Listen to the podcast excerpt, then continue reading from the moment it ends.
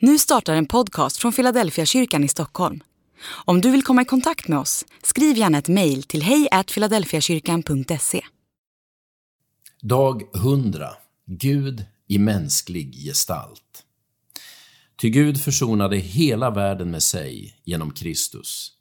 Andra Korintierbrevet kapitel 5 och vers 19. Hur kan Jesus dö för mina synder? Det skiljer nästan 2000 år mellan mig och Jesus. Han levde i en helt annan kultur med helt andra värderingar och traditioner. En del av de seder och bruk som förekom på Jesu tid betraktar jag som barbariska. Man hade ingen aning om demokrati eller mänskliga rättigheter. Det var en tid då den starkes rätt var en självklarhet. Den som hade vapen, makt och kapital kunde diktera villkoren. Dödsstraff, kroppsaga och slaveri var vida utbrett och betraktades som obehagliga självklarheter. Jag, känt, jag hade känt mig fullkomligt vilsen om jag hade förflyttats 2000 år bakåt i tiden till den syriska provinsen av romarriket där Jesus levde och verkade. Ändå säger Bibeln att jag hör ihop med honom och det han gjorde för snart 2000 år sedan. Hur kan det vara så? Vad har jag gemensamt med denna människa från en annan tid och en främmande kultur förutom att han är just människa? Svaret är att han också är Gud. Jesus är människa till 100 procent, men han är också Gud till 100 procent. Hur den blandningen går till ligger över min fattningsförmåga, men det är den enda slutsats jag kan dra av Nya testamentets texter om Jesus.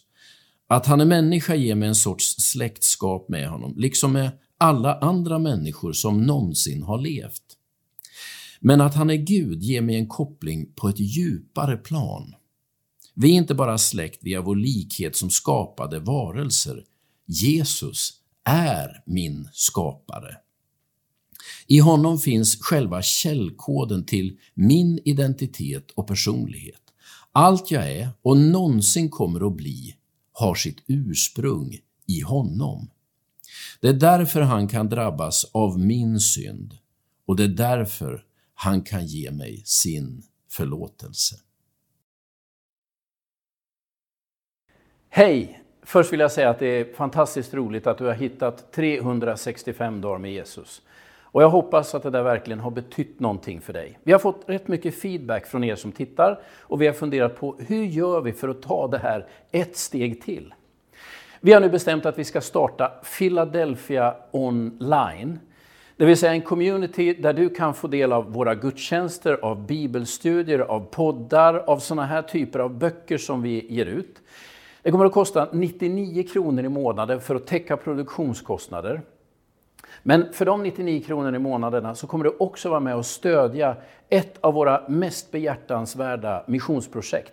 Ett barnhem i Gakwende i Burundi för de absolut mest utsatta barnen. Vill du veta mer om det här, den här möjligheten så gå in på filadelfiakyrkan.se online. Gud välsigna dig den här dagen.